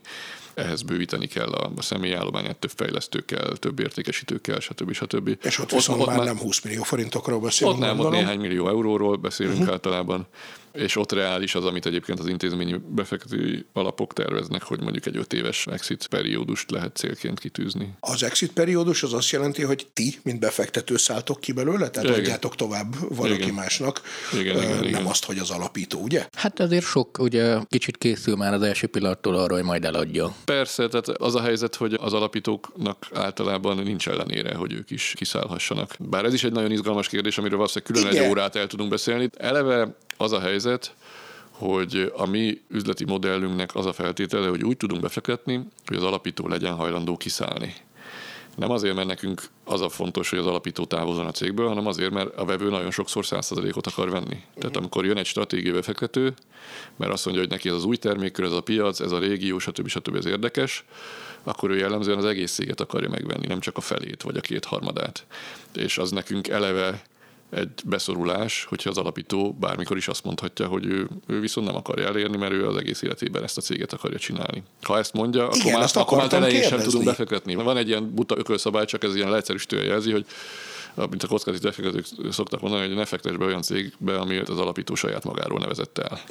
Ezt majd nem akarja eladni, mert ő azt úgy gondolja, hogy az egész életében az az ő cége Igen, lesz. De tehát, hogy, hogy az közben meg... Az a helyzet, hogy a szerződéseink is olyanok, tehát a mi befektetés szerződésünkben egy típus klauzula az, hogyha valaki 100%-ot akar venni, és mi el akarunk adni, akkor mi nem a befektetés után két nappal, de mondjuk a befektetés után 3-4-5 évvel már kényszeríthetjük a többi tulajdonostársat is, hogy neki kötelessége legyen eladni. És ezt általában az alapító körülmel aláírják, mert ők el is akarnak adni. Tehát ők az ilyen típusú befektetést kereső cégek úgy gondolkodnak, hogy ez egy gyorsan felskálázható cég, uh-huh. aminek aztán majd lesz egy pályája későbbiekben is, felépítem négy-öt év alatt, beszáll mellé egy befektető, és aztán együtt eladjuk. Tehát, hogy ennek így van értelme. És akkor itt már meg is adtad a választ erre az életciklus kérdésre is, tehát, hogy alapvetően akkor itt tényleg nem arról van szó, hogy valaki szeretné azt, hogy még az unokái is majd büszke Richter Gedeon néven mondjuk ugyanebben a cégben legyenek valahogy ott, hanem akkor ez többnyire tényleg kimondottan olyan vállalkozás, ahol Nyilván a szív meg a lélek ott is kell, mert gondolom anélkül nem megy, de hogy már eleve úgy tervezi az, aki dolgozik is benne, nem csak belefektet, hogy igen, én ezt azért csinálom, hogy felfújjuk, aztán utána. Így van. Nekem pont ebből szokott pakadni az egyik problémám, amit én igazából nem tudok megoldani, és jól jön minden tipp hogy amikor kérnek tanácsot vagy bármi, ugye egy, egy ilyen furcsa helyzet már, amikor belevágsz, mert képesnek kell lenned elengedni, tehát ha nem megy, akkor nem tudom, fél éven belül, vagy ki, ahogy gondolja, de szeretned is kell, hogy ezzel kell és beküldj, másképp Igen, nincs értelme. nehéz, nem? Viszont nagyon sokan kérdezik meg tőlem azt, hogy na, figyelj, pedig akkor ezt csinálj meg tovább, és ilyenkor én mindig ilyen hihetetlen nagy bajban vagyok, mert egyrészt nem szeretem letörni a dolgokat, meg mi van, ha tévedek. Tehát én azt gondolom, hogy ez nem fog menni, és akkor azt mondom neki, hogy nem fog menni. De mi van akkor, hogyha az kell, hogy még egy hónapig éhezik, nem tudom mosogat, de egy hónap múlva csiliárdos lesz, én meg ezt elvettem. Hogy ezt megmondani valakinek, hogy figyelj, ez most már tényleg nem megy. Viszont mm. sokszor azt látom, hogy kívülről kell megmondani, legalábbis amiket szoktak, nekem ez okoz mindig dilemmát, ezekkel mindig nagy bajba vagyok, hogy mi én, alapján. Én, én azon nyugtatom a lelkiismeretemet, és ez szerintem nem üres lelkiismeret nyugtatás, hogy valójában nem anyagi értelemben, anyagi értelemben nyilván egy sikeres vállalkozást felépíteni és kiszállni az a legkellemesebb dolog, de valójában, ha azt nézzük, hogy tudásban, tapasztalatban, potenciális következő vállalkozás sikerességében mitől függ, hogy egy projekt sikerese, akkor nem attól, hogy egyébként az egy sikeres vállalkozás lette. Egy dologtól függ, hogy aki vitte azt a vállalkozást, az értelmesen tudta a tapasztalatokat hasznosítani és a következtetéseket levonni. És ilyen szempontból egyáltalán nem értelmetlen dolog bebukott vállalkozást vinni a bebukásig. Sőt, ha most megint leegyszerűsíteni, tehát nem reprezentatív statisztikát mondok, csak leegyszerűsítem, de ha megnézem a mi tapasztalatunkat, azok a hazai vállalkozók, startuperek, akik valamilyen szerencsésokból kifolyólag az első cégükkel befutottak, sikeresek voltak, egy-két éven belül beadták, azóta bugdácsolnak az összes többi vállalkozásukkal. Uh-huh. Nem tanultak belőle semmit. Nem tudták, hogy mit csináltak jól, mit nem. Egyszer csak beesett a lottóötös, vagy vannál kicsit kevesebb, de azért beesett valamennyi és azóta elhiszik, hogy ők csak jól tudnak csinálni dolgokat, és azóta nem tudnak jól csinálni mm. dolgokat. Egy csomó ilyen példát tudnék mondani, csak azért nem mondok, mert nem akarok senkit hát igen, ezért nehéz a helytetején lenni, mert utána rád nehezedik, de... Igen, és az, aki csinál egy vállalkozást és bebukik vele, és akár még a következővel is, annak nem azt kell mondani, hogy öreg elpazaroltad az idődet, és fölösleges volt, és nincs értelme, hanem azt kell mondani, hogy tanuld meg belőle, amit meg lehet tanulni mert ez olyan gazdag tapasztalat, amit az, aki elsőre egyébként sikeres vállalkozó volt, az nem tud. És uh-huh. lehet, hogy te tízszer akkor átépítesz legközelebb, mert pontosan tudod, hogy hogy kell már tízszer akkor átépíteni, nem csak akkor át. Igen, ezek, ezek nem haszondaló dolog. Persze nagyon hosszan elhúzni egy bukási folyamatot, az azt jelzi, hogy valaki nem tanul a hibákból, tehát nem tudja levonni a megfelelő következtetéseket. Tehát észre kell venni, amikor valami bukik, de hogy azt most vettem észre, vagy egy fél évvel később, az kevésbé fontos ahhoz képest, mint hogy megtanultam-e belőle, hogy miért buktam be. És miért lett sikertelen. És hogy el tudom-e fogadni, hogy mert azért ez is jellemző a bebukott projekteknél, az valószínűleg emberi természet, hogy akkor mindig más a hibás. Mi ugye azt tapasztaljuk, hogy mindig befektető a hibás, tehát hogy akkor mindig felénk jönnek, hogy nem adtunk elég pénzt, és azért bukott be a vállalkozás, Igen, ez, ez a típus megvan. indoklás, de hát tud hibás lenni a fogyasztó is, meg a mindenki más. Na, ezek a tipikusan a nem hibás szereplők. Egy vevő sose lehet hibás, vagy fogyasztó, mert azt veszi meg, amit az ő érdekében áll. Egy befektető meg azért nem hibás, mert hogy ő annyi pénzt ad, amennyi az ő kockázatkezelésének megfelel, több nem. Tehát ha ehhez képest valaki meg tudja érteni, hogy mi az, amit elrontott, és mi az, amit máshogy kell csinálni legközelebb, akkor egy brukott projekt az egyáltalán nem haszontalan dolog. Mhm, ezt értem, és ez segítség volt, köszönöm persze, azt mondani, hogy csinál végig, és akkor tanult belőle. De amivel én bele szoktam futni, ez az a pont, hogy én az időn keresztül próbálom megfogni. Nyilván én a, nem tudom, az ilyen baráti tanácsadó jellegűen, és akkor Hát még csinálja meg, vagy hülyeség. És én mondjuk azt, még ha látom azt is, hogy ez be fog bukni, de csinál még egy fél évig, hogy tanulj belőle, de akkor még megint csinálja egy fél évig, akkor, tehát ugye van, amikor nem, hát, ugye már látszik, hogy be fog bukni, bele. Igen, uh-huh. amin már látszik, be fog bukni, azt el kell mondani, hogy be fog bukni. Ő lehet, hogy még akkor se fogja abba hagyni, mert azért nyilván ehhez elképesztő erős kötődések és motivációk kapcsolódnak, hogyha valaki egyébként vállalkozóként végigvisz egy projektet. De nem baj, ha te fél éven korábban már megmondod, mert akkor lehet, hogy fél évvel később fog megérteni dolgokat, csak az a lényeg, hogy értse meg. Tehát azt el lehet mondani neki, hogy nem fog menni. Meg azt is el lehet mondani, tehát mi befektetők vagyunk, ennek ellenére nagyon sokszor abban a szituációban vagyunk, hogy bejön hozzánk egy cég, egyébként bizonyos tekintetben jó a projekt, csak nem fog akkorát növekedni, amekkorát ők gondolnak, hanem harmadakkorát, és akkor mi mondjuk neki, hogy figyelj, ne vonj be befektetést. Tehát nincs értelme. Nem fog megtérülni sose. Ha bevonsz egy befektetőt, akkor odaadod a céged egy harmadát, de valójában az a befektető az viszont akarja látni az pénzét, tehát a végén majd a két harmadát fogja akarni elvinni, hogy őnek egyetlen az eredeti tőkéje visszajön. Míg hogyha nem hoz be befektetést, hanem szépen szisztematikusan építgeted, nem lesz sose akkora, amekkorát te eredetileg megálmodtál, de lesz harmad akkor, és a végén csak a tiéd lesz. Tehát, hogy ilyen is van. De van, akinek meg azt kell mondani, hogy hát itt egyszerűen nem jön ki a matematika, vagy nem lesznek rá kíváncsiak a fogyasztók, vagy még túl korán voltál, lehet, hogy majd 20 év múlva erre bárki kíváncsi lesz, de most még nem, vagy technikailag nem lehet megcsinálni, amit te meg akarsz csinálni. Tehát ezerféle dolog van, csak azt nyilván meg kell tudni tanulni. És ugye nem hallgatja meg rögtön a tanácsodat, attól még lehet, hogy később rá fog jönni, hogy neked Ez volt igazad. Lenni, igen, és én nem élvedem azt, hogy utólag menni nem. De nekem is vannak ilyen kis trükkjeim, mint ez a sofőr dolog, ez jó. Én ilyeneket szoktam majd néha beszélgetés közben ilyen hibát vétek valami adatizém, és nem is az a lényeg, hogy kiavít-e, hanem az, hogy hogy teszi azt. Tehát hogy egyrészt azt nem szeretem, de hogyha ezt kultúrát nem, vagy éppen kontextusba teszi, vagy izé, azt már szeretem, mert akkor vele majd lehet tárgyalni normálisan. De a másik, amikor így kérdezik, hogy ez menni fog, én mindig azt szoktam kérdezni, miért nem megy. Mert hogyha azt mondja nekem, mindig az időre hivatkozik, akkor én már azt érzem magamban, hogy az büdi ez a projekt. Mm. Tehát, hogy még egy fél év kell, még egy év kell, akkor ad már, hogy nekem büdi. Azt mondja, figyelj, nem tudom, mi a befektetők nem adtak elég pénzt, de esetleg 90 Na jó, nem? Hanem mondjuk De ez azt, hogy... hivatkozás egyébként, tehát hogy nem bántódom meg ezen, mert ezt ismerjük. Ja nem, én azért ismerek ezzel viccen, mert egyébként pont ezzel nem nagyon találkoztam. Olyannal igen, hogy én azt láttam sokszor, hogy egyszerűen nem bírják felmérni ennek a lehetőségnek a súlyát, vagy a valami. Tehát, hogy szoktam mondani, hogy figyelj, játszunk, mi lenne, ha most kapnál 100 milliót következmények nélkül, mit csinálnál, mi az első, és akkor, amikor én ilyen lefagyásokat látok, de nyilván azért, mert én nem olyan profikkal beszélgetek. Hát lefagyásokat mi is látunk. És azért azt is el szoktuk mondani egymás között, hogy aki úgy prezentál, hogy minden kérdésre pikvak válaszol, mindenre tudja azt, hogy mit akar hallani a befektető, és sehol nem bizonytalanodik el, sehol nem hibázik, sehol nincs gondolkodási idő. Az egy nagyon jó kommunikátor, de... Nagyon jó kommunikátor, nagyon jó szélszes, és nagyon jó felkészült, de hogy valójában, amikor olyan helyzetbe kerül, amikor már nem fog elő tudni előre felkészülni, mert azt nagyjából most már a mai világban lehet tudni, hogy a befektetőnek mit kell mondani de hogy egy teljesen új termékkel majd egy fogyasztónak mit kell tudni mondani, amikor visszakérdez kettő olyat, amire nincs válasz, az már egy másik helyzet. Tehát nem ezt szoktuk a legjobban szeretni. Azt szoktuk a legjobban szeretni, ahol van azért láthatóan aktív gondolkodás, vannak azért vállatra a helyzetre való reagálási képességek, van olyan kreatív válasz, tehát hogy egy csomó kérdésre nincs jó válasz, tehát hogy én nem azt akarom látni, hogy azt válaszolja, amit én várok, hanem azt akarom látni, hogy van saját válasza a kérdésekre. Tehát, hogy ezt sokkal jobban szeretjük, amikor ez a benyomás, és nem az, hogy hú, ez nagyon felkészült, és tudja, hogy mit akarunk hallani. Vizsgálni is ezt szoktam mondani, de olyankor csak zavarba jönnek szegények. Az, hogy ti ilyen együtt dolgoztak velük, ami partnerő viszony, gondolom sokan kontrollnak érzik, de azok meg nem szerettek együtt dolgozni, és akkor ezért nem. De nem szeretünk hogy... kontroll gyakorolni. Ez egy nagyon fontos különbség. hogy Egyrészt mindenkivel olyan mértékben dolgozunk együtt, amilyen mértékben szüksége van rá. Van olyan projekt, ahol már egyszerűen csak passzív tulajdonosok vagyunk, mondjuk be is fektetett két nemzetközi alap már utánunk, tehát nem is feltétlenül van rá szükség, de amúgy sem feltétlenül a szakterületünk, a pénzünkre volt szükség, mondjuk ez a projektek töredék része.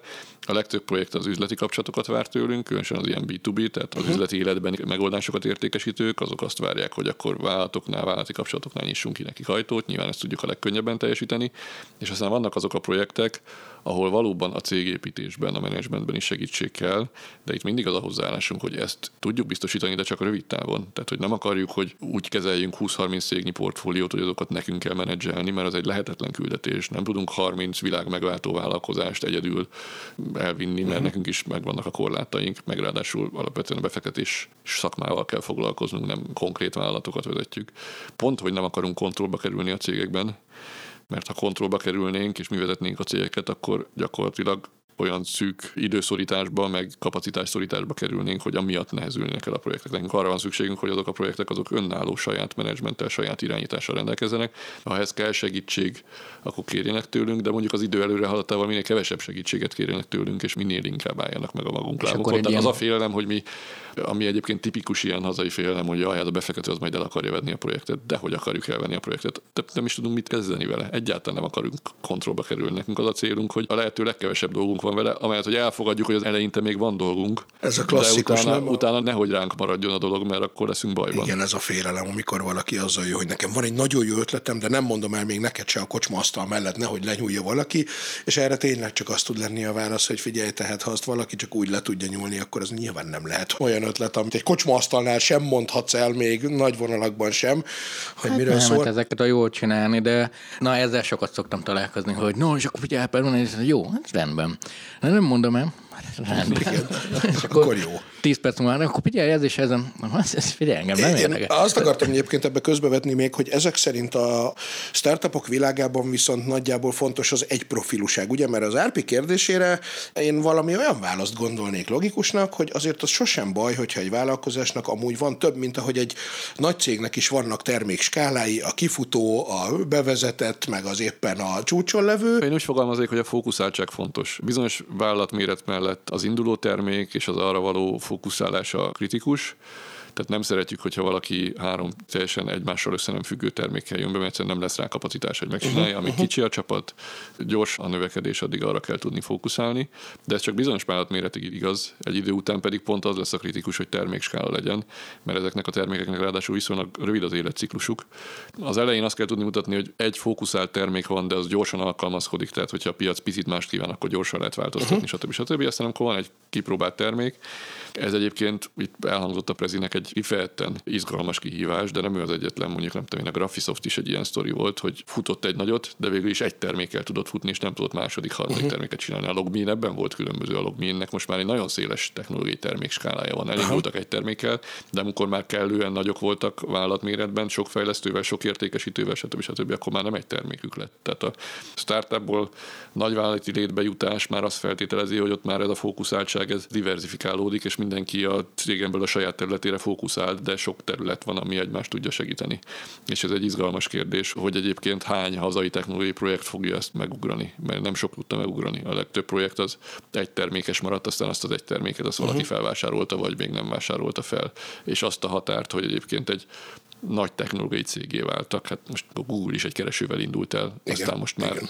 ennél kicsit szélesebb a termékskálája. Egy igen, picit. mondjuk ott talán a tudatos építkezés is meg volt a lekötés stratégiája, és azt értem, hogy vagytok ti, hogy a hallgatóknak is feltérképezik, de hogyha én szeretnék vállalkozni, akkor ki segítenek nekem? Tehát, hogy vannak itt ilyen csapatok az országban, vagy valahol a világon, hogy azt mondom, hogy mint a zenekaroknál, hogy én jó tudok gitározni, kéne nekem egy énekes, meg egy dobos, hogy mondjuk meghallgattam Árpádot. senki, tehát ha magadtól nem tudod összeszedni azokat az embereket, nincs kapcsolatod, akkor viszonylag ritkán sikerül ám egy társaságot összehozni. A csapatépítés hát, a legnehezebb azzal, hogy ezen a területen vannak úgynevezett inkubátorok, és a korai fázisban is mi is ilyen inkubátor céggel fektetünk be. Ennek különböző válfai vannak. Van, aki alapvetően személyes mentorálást ad, van, akinek ilyen oktatási tematikái vannak, és úgy próbál vállalkozásokat felkészíteni, vannak ráadásul specializált inkubátorok. Ezek az inkubátorok foglalkoznak azzal, hogy legyen egy széles kapcsolati hálójuk, legyenek korábbi vállalkozásból már gyakorlatilag sikeresen kiszálló, vagy onnan új kihívásokat kereső emberek, tehát hogy egy ilyen kapcsolatrendszerből sokszor kijön olyan együttállás, ami jól működik, de egyébként ahogy szerintem befektetővel sem mindegy, hogy kivel dolgozik az ember, Tehát nem csak arról van szó, hogy a befektetőnek tudása, kapcsolatrendszere, pénze van, hanem hogy itt emberi tényezőknek kell tudni jól együttműködni. Ugye a csapatnál is most hiába ajánlok egy jó nemzetközi szélszest, ha az a konkrét ember nem fog tudni a fejlesztővel, meg az ügyvezetővel, meg nem tudom én, a marketingessel jól együtt dolgozni, akkor az nem fog működni, tehát nem elég egy adatbázist tartani. De alapvetően végső soron mindig az alapítók fogják tudni megoldani azt, hogy hozzájuk tud-e megfelelő csapattak csatlakozni, és egyébként ez nem egy evidens kérdés, tehát egy csomó projektnél azt látjuk, hogy az együttműködések mondjuk úgy, hogy alacsony színvonal az, ami képes megölni a projektet. Tehát elvileg infrastruktúra van arra, most nem mondom, hogy Magyarországon a legfejlettebb, de már Magyarországon is van, hogy ilyen típusú kapcsolatokat lehessen szerezni, lehessen behozni jó fejlesztőst, jó marketinges, stb. stb. De hogy ez nem egy adatbázis kérdés. Igen, mert pont ezt akartam kérdezni, hogy mennyire megy az ismeretlenül. Persze a zenekaroknál is van olyan, hogy hirdetésben találsz valakit. Hát most nem akarok úgy tenni, mintha nagyon értenék a zenevilágához, de mondjuk nem tudom én, a Deep Purple-t azt össze lehetett úgy rakni, hogy alapvetően egy ilyen castingból Ez a, is egy létező dolog, amúgy igen. Tehát, hogy van erre is példa, de, de nyilván azért ott is az van, hogy a zenészek nem baj, ha kedvelik egymást, vagy igen, legalább nem nagyon gyűlölik. Most, hogy mondod, valószínűleg itt is az van, hogy a már előre kiszámolt életciklusú projektek, tehát egy fiú zenekart, azt össze lehet úgy rakni, hogy tudod, hogy abban egyébként 5-10 év lesz, azt össze lehet castingolni, de amit mondjuk 40 évre szeretnének tervezni a tagok, az azért általában valahogy mégiscsak személyes ismerettségekből jön össze, és kicsit egyébként a válogatásnál is érdekes, hogy nálatok ez ilyen profi működik, mert erre van az a példa, lehet, hogy már itt is elhangzott egyszer előző évadban, hogy a amerikai Sony kiadónak az ilyen Dárosa, aki ugye a zenekarok válogatásáért felelős, amikor nyugdíjba ment, akkor azt mondta, hogy nekem van egy füzetem, én abba beírtam a 40 év alatt az összes projektet, vagy összes demókazettát, amit kaptunk, ez volt nem tudom, 80 ezer demo kazatta, ebből megmondom hányból lett szerző, nullából. Csak abból lett, amit valaki olyan hozott be, akinek mi már hihetünk, aki tudta, és én ezt egyébként nyilván a mikrovállalati világban abszolút látjuk ezt, és nincs is az a baj, hogy... Tehát bizalmi kapcsolatok. De nálatok meg ezek szerint tökre nem így van. Vagy mégis de van valamennyire? Is, tehát a bizalmi kapcsolatok azok egy projektnek egy indulását megadhatják, de azt nagyon megtanultuk, hogy az ajánlás az arra jó, hogy foglalkozunk valamivel, de a döntés az, a döntés az a mi felelősségünk. Nem azt mondanám, hogy egy ajánláson keresztül érkező projekt az más elbírálás alá esik, vagy könnyebben megy át a döntésen, hanem inkább megfordítanám, az ajánlásból beérkező projektek jobb minőségűek.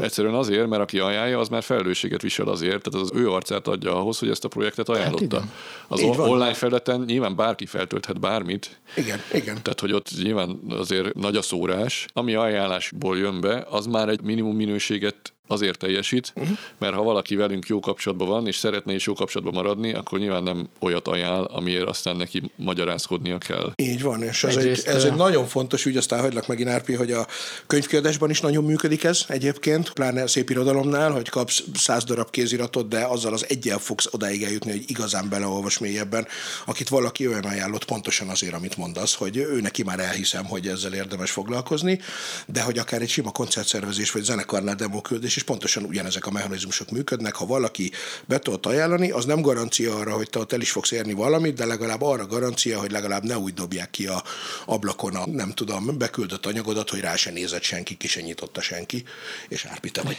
De itt több dolog is. Ez egyrészt, hogy amikor a digitális technológiák terjedtek, akkor pont nagyon jó üzenet volt, na most mindenki képes mindenkire, és már akkor elkezdtek mondani, hogy nem, a technológia lehetőséget ad, de attól még a kapcsolati tőkétben nincsenek olyan emberek, de mégsem olyan cenzus, mert tehát itt a cenzus igazából a ráfordított idő, tehát téged érdekel egy zenekar, mondjuk játszani akarod benne, akkor végig eljárogatsz a koncertekre, és ha olyan típusú vagy, lehet, hogy egyszer el is beszélgetsz a zenekartaggal, és kialakítod ezt, főleg, hogyha alulról fölfelé mész, vagy valami, akkor ez működhet, tehát nem olyan kizáró cenzus, Egyébként nem örülök, hogy nincsen adatbázis, mert soha délben nem fog bekerülni a zenekarba se, de mindegy, ez az én személyes tragédia. De van ismerősöd, haver. De majd megkérdezem. Ezt azért is kérdeztem, hogy biztos vagyok benne, a jó néhány hallgatóknak vannak jó ötletei, hogy hogy indulnának el. Én hallottam már ilyen félemeket, hogy igen, vannak inkubátorházak, de azok csak arra vannak, hogy ellopják az én ötletemet. Jó, de ezek Valaki a... attól fél, hogy ellopják az ötletét, akkor eleve gondolja újra ezt az egész pályát. Ezt a András is az előbb plastikusan. Tehát, de, akkor... tehát, hogy, és ezt már előtte is veséztük, hogy nem az ötletem múlik.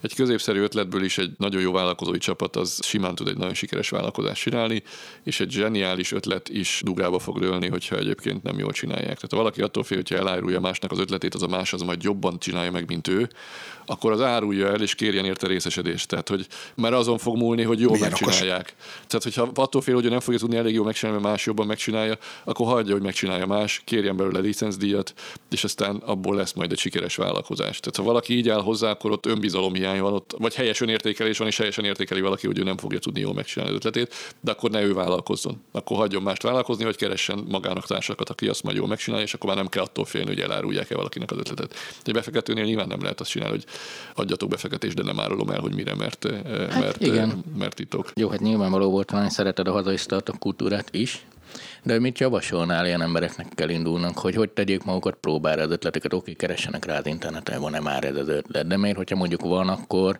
mit nézzenek meg, hogy lehet, hogy mégis itthon jó, vagy hogy érdemes szerinted egy ötletet dédelgetni, mielőtt elmondom az Árpádnak a kocsmának? Hát szerintem pedig ez a megoldás. Tehát, hogy meg kell találni azokat a szereplőket, akiknek a véleménye releváns abban az ötletben.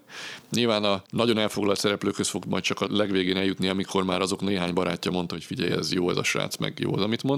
Meg kell találni azokat a szereplőket, akik az ő potenciális vevőjei, mentorai, csapattagjai, partnerei lehetnek, és beszélni kell az ötletről és egyébként dinamikusan kell ebben előre haladni, és meg kell nézni, hogy mi az ő visszajelzésük. És persze ezelőtt még olvason utána csináltak-e mások ilyet, azok jól csinálták, rosszul csináltak, sikeresek voltak, buktak vele, elhozták erre a piacra, ez még üres piac. Mi az, amit jól csináltak, mi az, amit rosszul, mi az, amit annál még jobban lehet csinálni, de hogy minden potenciális, most úgynevezett stakeholderrel, tehát akinek érdeke lehet egy ilyen projektben, beszéljen minél többet, hallgassa meg a visszajelzésüket, ha abból az jön ki, hogy jó, akkor egy csomó támogatót fog kapni, egy csomó olyan szereplőt fog kapni, aki legalább azt mondja, hogy figyelj, itt egy telefonszámet szív fel, vele beszél, vagy azt fogja mondani, hogy én benne akarok lenni ebben a projektben, vegyél be, mert én ezt meg ezt hozzá tudom tenni, vagy egy csomó ilyet fog kapni, és akkor ebből szépen kialakul, hogy már érdemes elmenni inkubátorhoz, de hogy lopják az inkubátorok az ötletet, tehát az inkubátoroknak nincs kapacitásuk arra, hogy saját maguk vigyék tovább az ötletet. Legtöbbször inkább embereket keresnek, akik bármilyen ötletet képesek megvalósítani. Az inkubátorok a megvalósítás irányába akarják elvinni a projekteket, meg hát eljuthat odáig, úgyis akkor valaki azt mondja, hogy figyelj, tudok egy befektetőt, szerintem össze tudlak hozni vele, egyszer beszélj vele. El kell kezdeni zenélni, és félek, hogy nekem itt lesz a problémám a zenekaros belépéssel, de mindegy, erről majd még beszélünk. Meg az érdekelt engem, mint hogy kifejezetten a startupokkal foglalkoztok, és miért? Most olyan értelemben, hogy vannak olyan biztonságos piacok, tehát nem tudom, ugye én egy éttermet fogok itt nyitni, abban nincs innováció, mert egy étterem, de ez ennyit hoz ezen a helyen, azt itt támogatjátok-e, vagy nem, vagy miért ezzel az Hát üzletággal Covid után nem tudom, hogy érdemes-e az éttermet az biztonságos üzletnek tekinteni. Jövő zenét kell hallgatni, mi megmondjuk mindenről a tutit. Yeah. Ugye az az üzleti modell, amiben mi vagyunk, az azt feltételezi, hogy olyan cégbe tudunk befektetni, aminek nagy hozam potenciálja van. Tehát az üzleti vagy a pénzügyi világban törvényszerűség, hogy a kockázatok és a hozam lehetőség azok általában arányban állnak egymással. Tehát minél nagyobb hozamot tud valami hozni, annál nagyobb a kockázata, minél kisebb a kockázata, annál kisebb a hozam. Tehát egy étterem az sosem fog olyan típusú hozamot hozni, amiatt egyébként a mi befektetési portfólióba beleférne, mert ha nem a bedőlő 30%-ba kerül, akkor is hiába kerül a sikeres projektek közé, hoz majd nem tudom én 5%-os éves megtérülést, és akkor már sokat mondtam. Tehát az étterem az általában egy lifestyle business, az eltartja azokat, akik csinálják, de egy befektető az nem tud nagy pénzt kivenni belőle, és most éppen éttermet mondtunk, de mondhatunk volna még 30 dolgot. Tehát az a portfólió, amivel mi dolgozunk, abban benne van, hogy a portfólió 30, most hál' az, az inkább ilyen 10-15% az leírásra kerül, ahhoz viszont az kell, hogy a portfólió többi eleme az olyan legyen, ami hoz 20-30, de lehet, hogy akár 70-80% os hozamot is. Ehhez viszont olyan cégbe kell befektetnünk, amiben ez a potenciál benne van. Benne van az a kockázat, hogy bedől, de benne van az a potenciál, hogy ekkorát fog hozni. És nem csak éttermekben, hanem egy csomó más dologban nem tudunk befektetni. Más portfólióval persze, én magam egyébként más cégstruktúrába foglalkozom, turisztikai, meg ingatlan, meg egyéb befektetésekkel is, de ettől teljesen elkülönülten, mert nem értelmezhető a hozam potenciálja ebbe a portfólióba. Izgi meló, ez tele van adrenalinnal. Abszolút, igen, és, igen, igen. és hogy már pontosan így a lezárásként annyit beszéltünk az exit stratégiáról, meg hogy ezek időleges befektetések, és ki kell szállni. Van olyan összeg és forgatókönyv, ami mellette azt mondanád, hogy kiszállsz a sajátodból, az oxóból, vagy úgy mindenből, hogy akár innentől akkor már tényleg csak koktélokat szürcsölj, vagy nulláról kelljen újra kezdened mindent? Hát ugye a mi cégünk tőzsdén van, tehát alapvetően az a részvénycsomag, amit én az Oxo Technologies Holdingba tartok, az egy forgalomképes részvénycsomag, tehát én nekem ahhoz, hogy kiszállják, nem is az kéne, hogy jöjjön egy nagy befektető, hanem ahhoz az kéne, hogy elkezdem eladni a tőzsdén a részvényeimet, bár alapvetően eléggé a személyemhez kötődik pillanatilag még a cégcset, nyilván túl sokat adnék el, az meglátszik az árfolyamon, de nincs ilyen szándékom. Hál' Istennek már nem abban az életfázisban vagyok, hogy én azért csinálom, amit csináljam, mert hogy hónapról hónapba ebből élek meg. Azért is van befektető pénzem, mert hogy nyilván eljutottam abba az életfázisba, hogy alapvetően az egzisztenciámat már nem most kell megteremteni, tehát hogy én azért sem gondolkodom azon, hogy én szálljak ki a saját cégeimből, mert hogy nem a megélhetésért, vagy nem a vagyon növekményért csinálom, hanem azért, mert szeretném csinálni. Tehát ahogy elhangzott, hogy ez izgalmas, egyébként tényleg izgalmas, tehát nem csak azért a sok kihívásért, meg sok kockázért, amit végigbeszéltünk, hanem azért mégiscsak világ megváltó szándékú, csillogó szemű vállalkozókkal kell együtt dolgoznunk, sok szempontból stresszes a viszony, nyilván az egész tevékenység teli van mindenféle kockázattal, megfeszültséggel, de hogy nem egymásra arcába unottan néző emberek között vagyunk, akik éppen azt várják, hogy mikor telik el ez a munkanap is, és mikor lesz a következő, hanem minden nap van valami, amivel foglalkozni lehet, és minden nap új és új ötletekkel és új és új helyzetekkel szembesülünk. Tehát már csak ezért sem gondolkodom abban, hogy én ebben ki szeretnék szállni. Tök jó, nem is gondoltam volna egyébként, hogy Éreztem hogy minden hárman szeretjük a munkánkat, és kb. ugyanazért és a sok-sok-sok kérdés lejegyzetelem, jelentkezek a zenei adatbázisba, vagy zenekari adatbázisba, és, és elhallgatok. Startupot is indít, az Oszkó Péter, nagyon szépen köszönjük Köszönöm ezt a, a így már másfél órát majdnem. Folytatni fogjuk. Örülök. Sziasztok. Sziasztok. Sziasztok. Ez volt a jövő zenéje.